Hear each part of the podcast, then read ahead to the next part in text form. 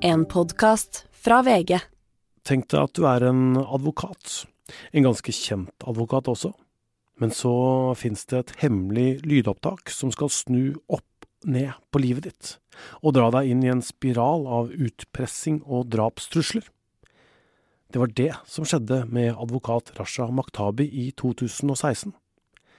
Mine kolleger i Alt fortalt her i VG har laga en podkastserie om nettopp dette. Den heter Advokatens hemmelighet, og her får du første episode. For å høre hele dokumentaren så går du inn hos Podmy og hører den der.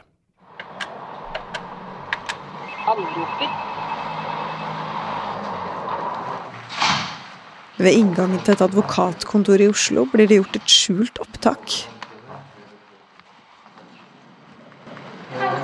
Hei. Nei, Ryan. Nei, det går bra. Dama som introduserer seg som Rasha, er advokat Rasha Maktabi. Hun hilser på en torpedo og veit ikke at det blir gjort et opptak. Men det som skjer nå, har endra livet hennes. For hun er vikla inn i det som kanskje er norgeshistoriens største advokatskandale. Jeg vil alltid se meg over skulderen. Jeg vil alltid fortsette å sjekke døra, om den er låst på kvelden.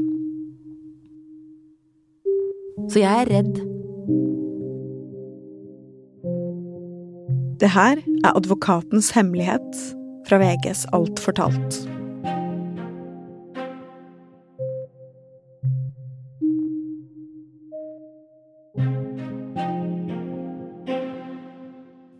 Nå skal du få høre Rasha Maktabis historie, sånn som hun husker den. Vi i VG har sett dommer, meldinger og hørt lydopptak som dokumenterer hendelsene hun forteller om. Og når hun skal huske tilbake, så har hun med seg dagboka si, kalenderen sin fra den gang, og permer med saksdokumenter og avisutklipp. Døm meg, kall meg naiv, idiot, eh, dum. Men eh, jeg, tok, jeg tok de valgene fortløpende som jeg trodde var best der og da. Tilbake i 2015 er Rasha og mannen hennes Samir Mir Motahari profilerte advokater, og de jobber begge i advokatkontoret Faros, som Amir har bygd opp. Det var så gøy å se ny klient, ny klient. Det er nesten at vi kunne slå i en klokke for hver ny klient. Det var altså så gøy. Liksom, hent dokumenter, og det var, det var Wall Street. Det var Wall Street. Det var jo gullrush. Så da, da, etablerte vi en tavle på, på forværelset hvor vi eh, skrev opp eh, klientene, og når de, satt, når de kom inn i varetekt, når de skulle besøkes, hvor dokumentene skulle hentes. Sånn at det var et system og, og en struktur når de alle sakene kom inn. Og det var jo folk som ville ha de andre også, men det var Amir som på et tidspunkt begynte å trekke veldig mange klienter.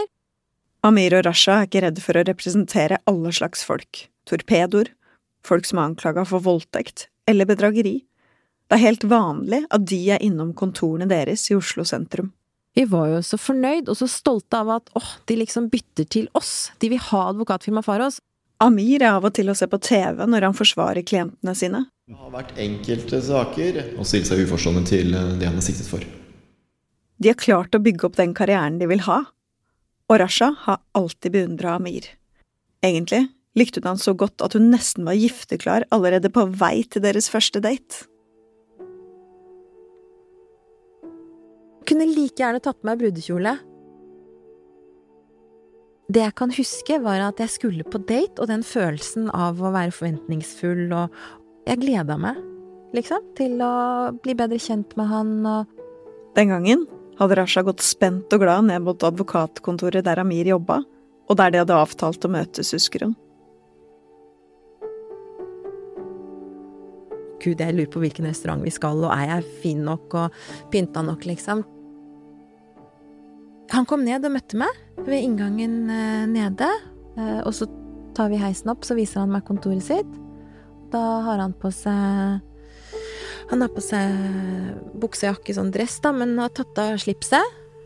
Eh, og så var det den der Den skalla bakhuet, og det at han var Han var lavere enn meg, men jeg syns han hadde et sånt fint glimt i øyet. Litt sånn tufsete i stilen. Amir viste henne rundt på kontoret, og etterpå var Rasha veldig spent for hvor de skulle dra videre.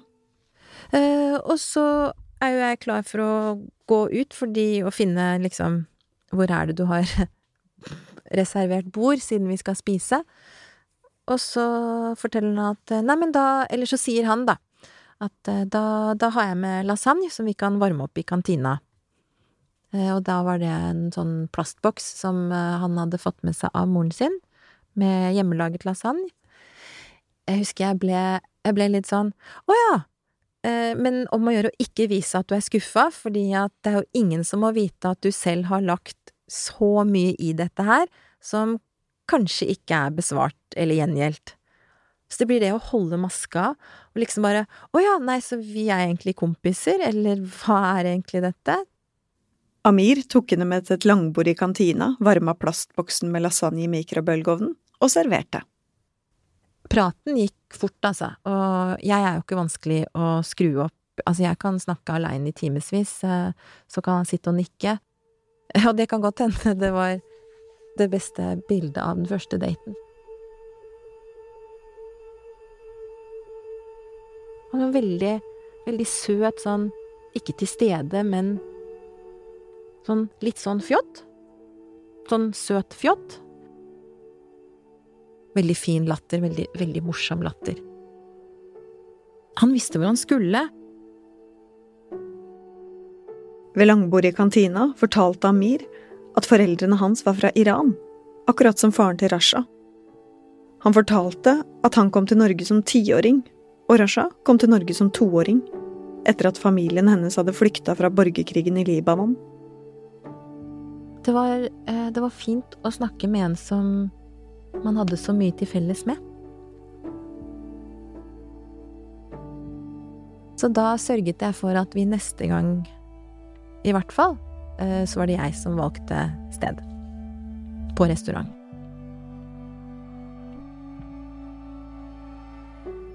Og det her hadde ført til at Rasha hadde fått det hun ønska seg aller mest. To barn, en gutt og en jente. Og så hadde de jobben i advokatkontoret sammen, som de brukte mye av tida si på. Og så kommer en dag i 2015. Rasha har vært og møtt en av de mange klientene hun forsvarer i Oslo fengsel, som hun pleide å gjøre på den tida. Hun går nedover bakken og ned til busstoppet. Og mens hun står der, så ringer telefonen. Jeg tar telefonen og svarer Maktabi så var det en uh, fremmed stemme som snakka svensk. Og han presenterer seg som uh, Daniel Lindqvist. Han går rett på å fortelle meg at jeg er gift med en kriminell som uh, har gjort mye for å skade andre, og at barna og jeg er i fare, vi må komme oss bort fra han. Han utsetter er for fara Amir driver med, med skumle saker. Jeg ble vel kald og, og skeptisk. Og så, et stykke ut i samtalen også, så viste han til at uh, Jeg tror det måtte ha vært for at jeg skulle få tillit til han. Da sa han at uh, jeg er jo fra Libanon, og jeg har barn. Og da prøvde jeg å slå om på arabisk og si noe sånt, men hør her, bror. Altså, snakker du sant, eh, min herre? Eh, og det er bare noe jeg slang på, for å bare sjekke om han ville respondere på arabisk. Det gjorde han ikke. Selv om denne Daniel ikke svarer på arabisk, så fortsetter Rasha å høre på hva han har å si, og han forteller at han og broren hans har bevis på at mannen hennes Amir er farlig. Fordi han uh, forklarte at uh, han hadde avlytta Amir på vegne av noen andre. Han sier at han har et opptak, at han har um, At han har et opptak av uh, Amir som snakker om å gjøre forferdelige ting. Ulo ulovlige ting, og at en advokat skal, skal gjøre de tingene han vet, det, det Det kunne ikke han sitte stille og være vitne til. Og jeg eh, Jeg skjønner ingenting. Jeg kan huske at eh, jeg eh, sa noe sånt som at, at jeg skulle komme tilbake til han. På en måte at vi holder kontakten. Det kan være lurt å vite hvem denne Daniel egentlig er, tenker hun.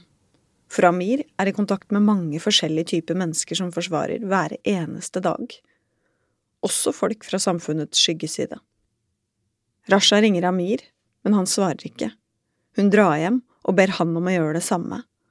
Og når han kommer hjem, så spør hun ham Hva i huleste er det det her dreier seg om? Rasha husker at Amir forteller at det kanskje kan være en konkurrerende advokat som vil ødelegge for ham. Og derfor hadde leid inn svensken Daniel og broren, for det var flere advokater som hadde mista klienter til advokatkontoret hans. Jeg, jeg syns det hørtes veldig rart ut, men jeg trodde på Amir, jeg trodde på at det var noen som var ute etter å ta han. Vi har vært i kontakt med Amir Mir Motahari og hans forsvarer flere ganger, Amir sier at det i praksis ikke er mulig for han å imøtegå de alvorlige anklagene som kommer mot ham, og at det ikke vil være formålstjenlig for han eller barna han har med Rasha å la seg intervjue til denne podkasten, sier han. Men du skal likevel få høre fra han seinere, og hele svaret han har sendt oss, kommer i slutten av episoden. Tilbake i 2015 så tenkte Rasha at Amir jo ikke hadde så høy stjerne i advokatmiljøet. Han hadde vært tiltalt for grovt bedrageri fordi han skulle tatt seg betalt for fengselsbesøk han ikke hadde vært på, og dermed svindla til seg over 50 000 kroner. Da det skjedde, jobba Rasha som politiadvokat i Asker og Bærum, og det hadde vært pinlig for dem begge. Men Rasha hadde hele tida tenkt at det bare var rot, og ikke Amir som prøvde å lure noen. Hun visste at han kunne være litt surrete, og han blei jo også til slutt frifunnet for den grove bedrageritiltalen. Men et dårlig rykte hadde likevel hengt ved han. Og det var noe av grunnen til at det nå var uaktuelt for Amir å gå til politiet for å finne ut av hvem som egentlig sto bak anklagene og lydopptaket som svensken Daniel fortalte om, husker Asha. Amir ville ikke ha oppmerksomhet rundt saken. Det ville ikke være bra for advokatkontoret. Han ville heller finne ut av mer på egen hånd, forteller hun. Amir er også i kontakt med Daniel, og Rasha husker at Amir sa at han hadde fått vite at opptaket skulle ha blitt gjort i løpet av de tre første månedene i året, og at Amir ikke kunne huske å ha snakka med noen om noe spesielt i den perioden. Men du må jo huske hva du snakker om på telefonen, det er jo ikke så lenge siden januar, februar og mars. Jeg mener, er det noe som ikke tåler dagens lys, så må du jo vite hva det er.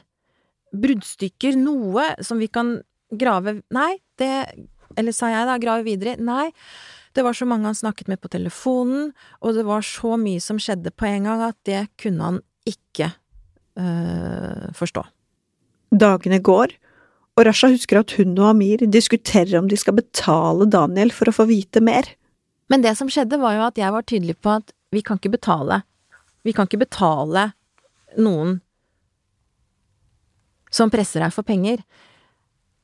Jeg, jeg tror jeg sa det så mange ganger, og jeg, jeg, jeg, skrek til slutt, de blir jo ikke borte! Og um, jeg fikk det for meg at jeg skulle finne ut av det her på egen hånd. Derfor holder hun kontakt med svensken Daniel, men sier ikke noe om det til Amir. Så ringer Daniel igjen. Han prøver å overbevise Rasha om at han har rett, og at Amir er farlig og han kommer med et forslag til hvordan hun kan teste Amir. Han sier at han har hatt enda et møte med Amir, som Amir helt sikkert ikke vil at Rasha skal vite om. Rasha vet ikke hva de har gjort på det her møtet, men hun går med på å gjøre som denne Daniel sier. Hvis Amir forteller henne om møtet, så snakker han sant. Hvis han ikke sier hvor han har vært, så lyver han til henne, skal denne Daniel ha sagt.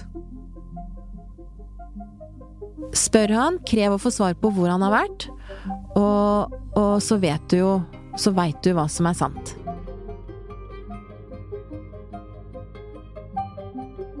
Rasha drar til advokatkontoret for å teste Amir. Hun husker at hun møter han ved forværelset til kontoret. Og da begynner jeg å snakke til Amir hvor er det han har vært? Og så vil han ikke svare, og så drar jeg han med inn på et annet kontor fordi jeg vil at vi skal være i fred. Og der blir Amir stående ved, ved kontorpulten mens jeg har ryggen til døra, og jeg er ganske oppjaga fordi at jeg vil ha svar, og, og jeg eh, spør Amir hvor han har vært. Han vil ikke svare. Han vil ikke fortelle meg hvor han har vært. Så jeg valgte å gjøre det sterkeste jeg kom på, nemlig å stille et ultimatum.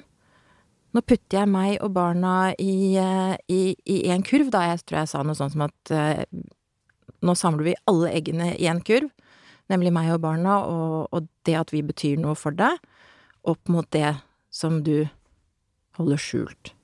Hva velger du? Nå har du to kurver å velge mellom. Hva velger du?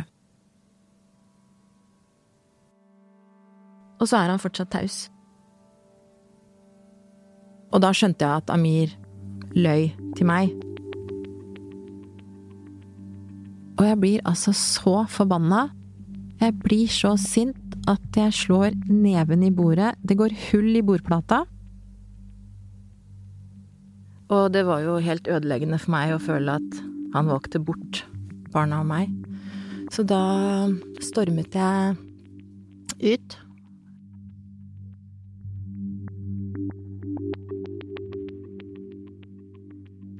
Hva er det som er så hemmelig at han ikke kan si det til henne, hans egen kone, tenker hun. Rasha bestemmer seg for å møte svensken Daniel for å finne ut av det. Men hun aner jo ikke hvem han er, og om det er farlig. Hun går bort til trappa ved siden av Oslo tingrett og står helt inntil veggen. For der kan hun få litt fred mens hun tenker på hvordan hun trygt kan møte denne Daniel. Så da sto jeg der og Holdt mobilen i hånda og scrolla gjennom kontaktlista. Forbi alle venner, forbi alle kollegaer, ikke sant. Det her eh, måtte jeg ha en som jeg virkelig stolte med hud og hår på. Hun stopper opp ved navnet til eksmannen, som hun var gift med en kort stund for mange år siden. Det slo ned i hodet mitt at jeg ringer han. Han sier at han kan hjelpe henne. Så da dro jeg opp til han og så satt jeg i uh, leiligheten hans uh, på Majorstua. Så ringte jo Amir meg ustanselig. Masse ubesvarte anrop. Og jeg tok ikke telefonen. I sofaen hjemme hos eksen forteller hun hvorfor hun vil møte svensken Daniel. Så han var veldig støttende og skjønte at det var eh, alvorlig. Og han var tydelig på at han blir med meg. det jeg velger, det er han med på. Men han var også tydelig på at eh, nå var det en ytre fiende som uh, angrep oss, altså ekteparet, Amir og meg. Og hans råd var å prøve å lande internt. Prøve å stå ved Amir sin side. Og ri stormen av, da. Og så etterpå ta det valget om å dra fra han eller ikke. Rasha lytter til det eksmannen sier. Du må støtte ektefellen din, ikke sant, han er mannen din, og barnas far, eh, fordi at ja, ekteskapet er jo både medvind og motvind. Dilemmaet mitt var om jeg skulle gå fra Amir nå. Om jeg skulle bare dra fra han og handle på det Daniel hadde sagt, uten å tenke noe mer gjennom det. Hun veit jo at Amir er i kontakt med mange kriminelle, som hun jo selv også er, og at det kan ha fått han opp i problemer uten at han har gjort noe galt. Kanskje var det et eller annet han ikke kunne fortelle henne? Så hun ombestemmer seg. Jeg hadde ikke tenkt å gi opp det jeg hadde fått etablert. Et hjem, en familie, en mann, det, det var ikke noe jeg ville kunne klare meg uten. Og selv om det fortsatt er mange ting hun lurer på, så legger hun det til side en stund for å støtte mannen sin og familien i en vanskelig situasjon. Så hun dropper planene om å møte utpresseren Daniel. det smuldret opp. I det at når jeg da velger å falle ned på at det er Amir jeg skal støtte, så ble behovet for å treffe Daniel på egen hånd og finne ut av det på egen hånd, det bare smuldra vekk.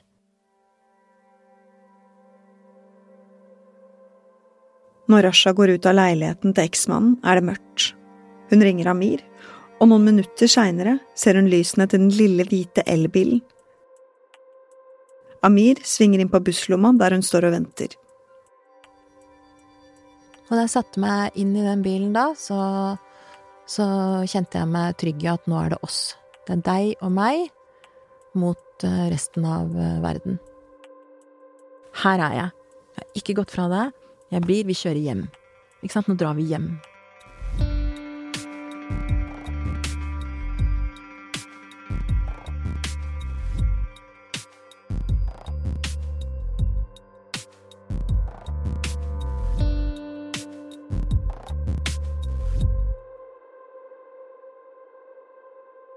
Når de er hjemme igjen, så husker Rasha at Amir forteller henne at han har betalt svensken Daniel, som vil ha penger for opptaket. På det tidspunktet hadde Rasha og Amir overtatt eiendomskonsernet til faren til Rasha, som hadde starta som profilert teppeselger i Fredrikstad og seinere tjent gode penger på eiendom, og nå hadde konsernet som de hadde overtatt, verdier i hundremillionerklassen. Men selv om Amir hadde betalt, så fikk han ikke opptaket, husker hun. Så noen dager seinere har han funnet noen som kan hjelpe dem, forteller hun. Og så sier Amir at uh, nå skal vi møte igjen på Waynes uh, Coffee. Skal møte, møte Tony. Han, han kan hjelpe oss med dette her. Tony er torpedo og tidligere klient av Amir. Jeg lurer på om han sa han var tidligere dørvakt. En, en torpedo. Han, han var en, eh, en fyr man ikke skulle tøyse med. Så det ble du med på. For meg er det vanskelig å si at jeg blei med på det, men det var jo det jeg gjorde i, i realiteten. I ansiktet har Tony to tårer tatovert nedover fra det ene øyet, og han har store muskler og kort hår. Rasha husker hun fikk vite at kontaktene han hadde i underverden, kunne hjelpe dem å finne ut av hva dette skjulte opptaket egentlig var for noe, og hvem Daniel og broren var. Rasha går bak torpedoen Tony, Amir og en tolk Amir kjenner. Tolken har Amir tatt med bare for å ha en ekstra person der, ikke fordi han skal tolke, husker Rasha. De går inn på Waynes Coffee i Oslo sentrum og setter seg ned ved et bord. Rasha vil bare følge med fra avstand og finner et annet bord i nærheten, sånn at hun kan se dem. Så jeg satte meg litt bortenfor, og eh, jeg bestilte en kaffe. En cappuccino satt der. Det jeg kan huske, er at de satt bakoverlent og nesten målte hverandres styrke.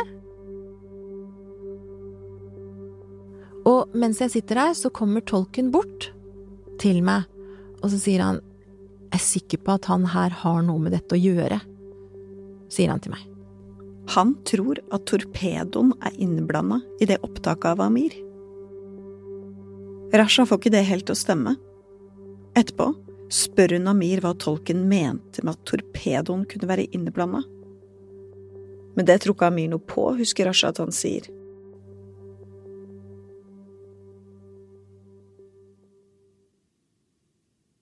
I Sandvika i Bærum ligger en moderne, firkanta bygning hvor det står Familievernkontoret på den svarte fasaden, og en augustdag i 2015 går Rasha og Amir inn dit sammen. Der blir de møtt av en terapeut, og hun tar dem med inn på et kontor der det står et rundt bord og noen stoler. Og så satte vi oss ned, og så presenterte hun seg, og så ville hun gjerne at vi skulle si hvorfor vi var der. Amir sitter med mobilen i hånda, husker Rasha. Og da peker jo Amir på meg og sier at ja, det er hun som vil at vi skal hit. Amir har så mye å gjøre på jobben at det går utover familielivet, syns hun. Og så kverner det skjulte opptaket av han i bakhodet hennes. Men det sier hun ingenting om til terapeuten. Hun sier heller noe annet. Jeg er gift med en skurk, sa jeg. Jeg kan huske at hun ble stille, og Amir også ble taus. Fordi eh, det, det kom nok både på oss alle, Men eh, Amir kunne jo ikke Eller Amir motsa meg ikke på det. Jeg tror han kanskje Hvis ikke jeg husker feil, så trakk han litt på smilebåndet, og at ja, Rasha mistenker at Amir holder et eller annet skjult for henne, men hun vil likevel holde på familien og ha hjelp av terapeuten. Jeg må være ærlig, men jeg kan ikke si alt. Det er jo det å stå og ha med seg det vi står i, men pakke det inn sånn at ikke hun ringer politiet. Og jeg var jo veldig opptatt av at eh, vi skulle få det til å funke og, og komme videre. Rett og slett komme videre, hallo! Begge to har advokater, barna har barnehageplass, og vi skal bo her, og det er sånn Og Rasha opplever at Amir vil det samme. For han var veldig ærlig og fin og sa at ja, jeg jobber for mye, og Rasha har helt rett i det, og liksom eh, Han tok inn over seg fraværet, og at familien jo var viktig for han.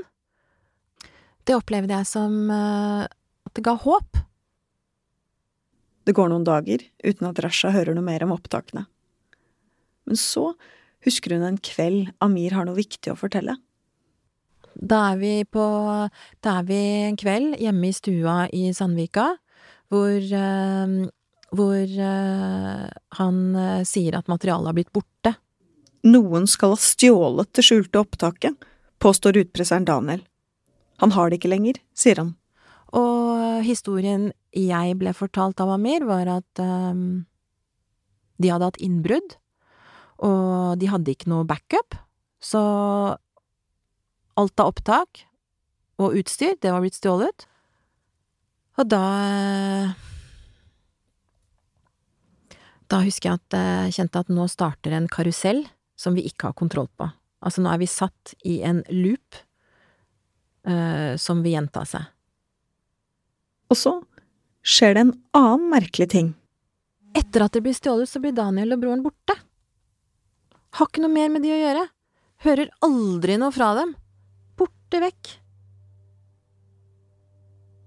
En morgen står Rasha hjemme i gangen i huset deres i Sandvika og gjør barna klare for barnehagen. Og så ringer torpedoen Tony til henne. Jeg tror eh, torpedoen han eh, ringer meg, sender tekstmeldinger, og jeg tror også han har sendt e-poster, hvor han er eh, veldig Veldig på at vi, altså både Amir og jeg, vi er noen skurker, og vi er kriminelle. Torpedoen, som egentlig skulle hjelpe dem, sier at han må ha fått tak i det skjulte opptaket. Og han er altså så på, og blir aggressiv og truende, og han skal ha penger, han skal ha og så videre. Torpedoen er blant annet dømt for å ha trua flere med en ladd pistol, og for å ha skadd en person med kniv. Ukene går, Amir og Rasha forbereder seg på hva som kan komme. Amir begynner å gå på um, sånn uh, selvforsvarskurs, og han begynte å gå med skuddsikker vest. I bagasjerommet på den lille hvite elbilen har Amir lagt en ny, lang, svart paraply, husker Rasha. Hun løfter den opp, og kjenner med en gang at det ikke er en vanlig paraply. Den er tung som bly, så han kan bruke den både til å slå med, og så, hvis ikke jeg husker feil, så er det også en kniv du kan ta ut. Rasha får mailer og telefoner med trusler fra torpedoen, men hun leser ikke mailene, og lagrer dem på telefonen som ikke svar, med store bokstaver. Det kommer til et punkt hvor uh, frykten sprer seg inni deg. Og da bestemte Amir at ikke vi kunne lenger være hjemme. De tar med seg barna og sover hos en slektning. Jeg turte ikke å dra hjem annet enn å hente klær. Jeg kan huske at jeg også satte på en vask og har hjertet i halsen i forhold til kommer det noen nå? Nå er jeg hjemme, jeg er synlig. Og det å gå til politiet kunne jo også vært en måte å komme i sikkerhet på, da vil jo kanskje noen tenke. Ja. Og det håper jeg at uh, mine barn og alle andre ville tenke. Det jeg gjør, er jo å fortelle hva som skjedde, og så skal jeg være den fremste til å ikke forstå hvorfor jeg som er ressurssterk og politiadvokat, og jeg er advokat, og jeg er jo mye på en gang, ikke gjorde det. Men der og da var jeg overbevist om at jeg var overlatt til meg selv, og at ingen ville ta meg alvorlig hvis jeg gikk til politiet og fortalte at her er jeg, og sånn er det. Seinere på høsten er Rasha og Amir i en frokostsal på et hotell i Bergen. De har vært her og møtt gamle venner og hatt det fint. De setter seg ned på hver sin side av et bord i frokostsalen, husker Rasha. Hun i en sofa, og han på en stol. Og da er det jo standard eh, egg og bacon og croissant med honning. Det er det beste jeg veit. Mens Amir er mer på brødskive og eh, glass juice. Og så sitter vi og spiser og, og snakker løst. Men så blir Tony Tony blir et tema. Tony, torpedoen som skal ta dem, har blitt uttransportert til Iran og mener at det er Amir sin feil, og det vil han ha hevn for, husker Rasha. Amir grubler veldig på hvordan dette her skal finne sin løsning. Tony er tydelig på at han vil ødelegge for, eh, for Amir og, og ramme familien, familien hans. Amir har prøvd alt. Han har til og med nå gått til politiet og anmeldt torpedoen, husker Rasha at han sa. Men det skjer ingenting. Han har også betalt torpedoen. Men han kommer jo ikke noen vei. Han, øh, han, øh, han har ikke fått materiale, og det er fortsatt øh, mye frem og tilbake. Rasha hører på Amir mens hun spiser hotellfrokosten i restauranten. Og på et tidspunkt så får jeg en forståelse av at Amir mener at han ikke kommer til å bli borte. Altså, det her kommer aldri til å gå over med mindre han tas.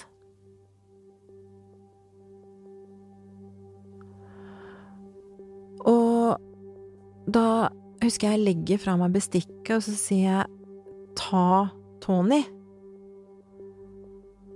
Og da liksom stopper nesten tida helt opp, for jeg bare øh, Nå stopper vi og snakker om det her.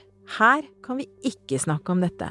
For det går opp for meg at temaet her er jo å ta livet av Tony. Og da tør jeg liksom putte servietten eh, som jeg har i fanget opp på bordet, sier jeg Amir, vi må bare vi, vi går opp på rommet. Vi kan ikke ta det her. Rasha tar Amir med seg opp på rommet og lukker døra. Hun husker at hun sitter på en stol, mens han går rastløst frem og tilbake inne på hotellrommet. Han er helt sikker på at torpedoen bare vil fortsette å true dem, husker hun at Amir sier. Det vil aldri gi seg. Og at uh, for Amir er den eneste utveien, det er at uh, han skal ta livet av Tony, fordi det er enten han eller oss. Og da Da ser jeg på Amir, han har satt seg, og han er Han er krystallklar i blikket. Sånn nesten svart i øynene, for han er så bestemt.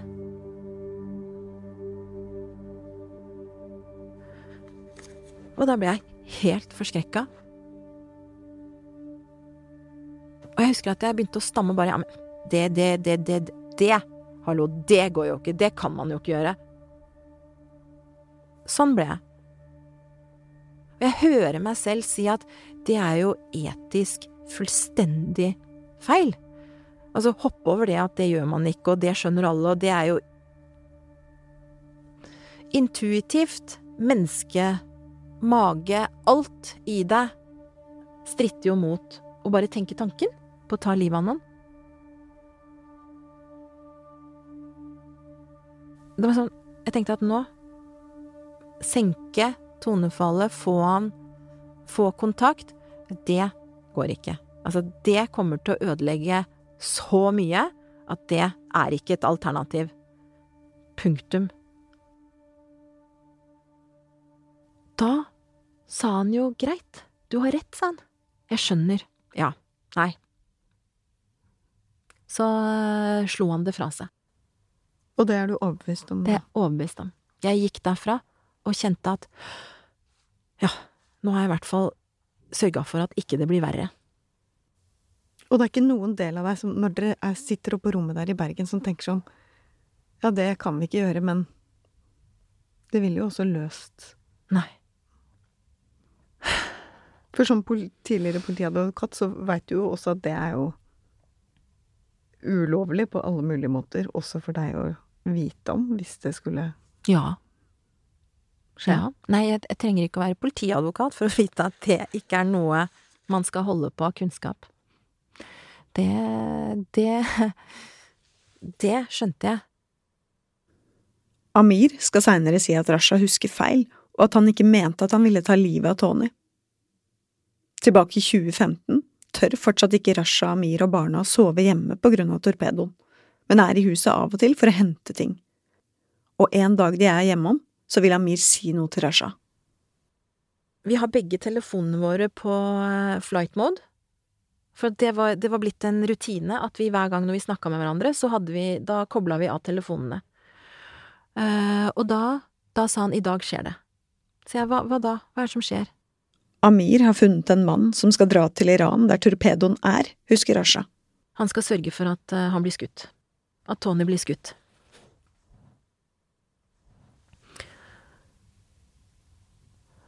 Og da skjønner jeg at uh, Amir har bare fortsatt. Eh, det jeg har sagt i Bergen og trodd jeg har kommet til mål med, det har jo bare falt rett i fisk. Rett i dass. Så da skjønner du at det pågår en plan om å drepe Tony i Iran. ja. Og hva gjør du med det? Jeg gjør ingenting med det. Og hvorfor ikke det? Jeg har fokuset mitt på ungene og meg selv. Og også det her, med at Amir skal ha iverksatt planene om å drepe torpedoen, skal han seinere si at det ikke stemmer. Men for Rasha blir det bare verre. For hun husker at hun får vite noe som gjør alt vanskeligere av Amir. Tony har da brukt pengene som Amir har betalt han, da, til å bestille drap på oss. Rasha husker altså at Amir sier at torpedoen har funnet noen som skal drepe dem. Og det er en drapsordre som det er noen serbere Jeg lurer på om de var i Sverige, og at det var bestilt. Det hadde han fått bekrefta.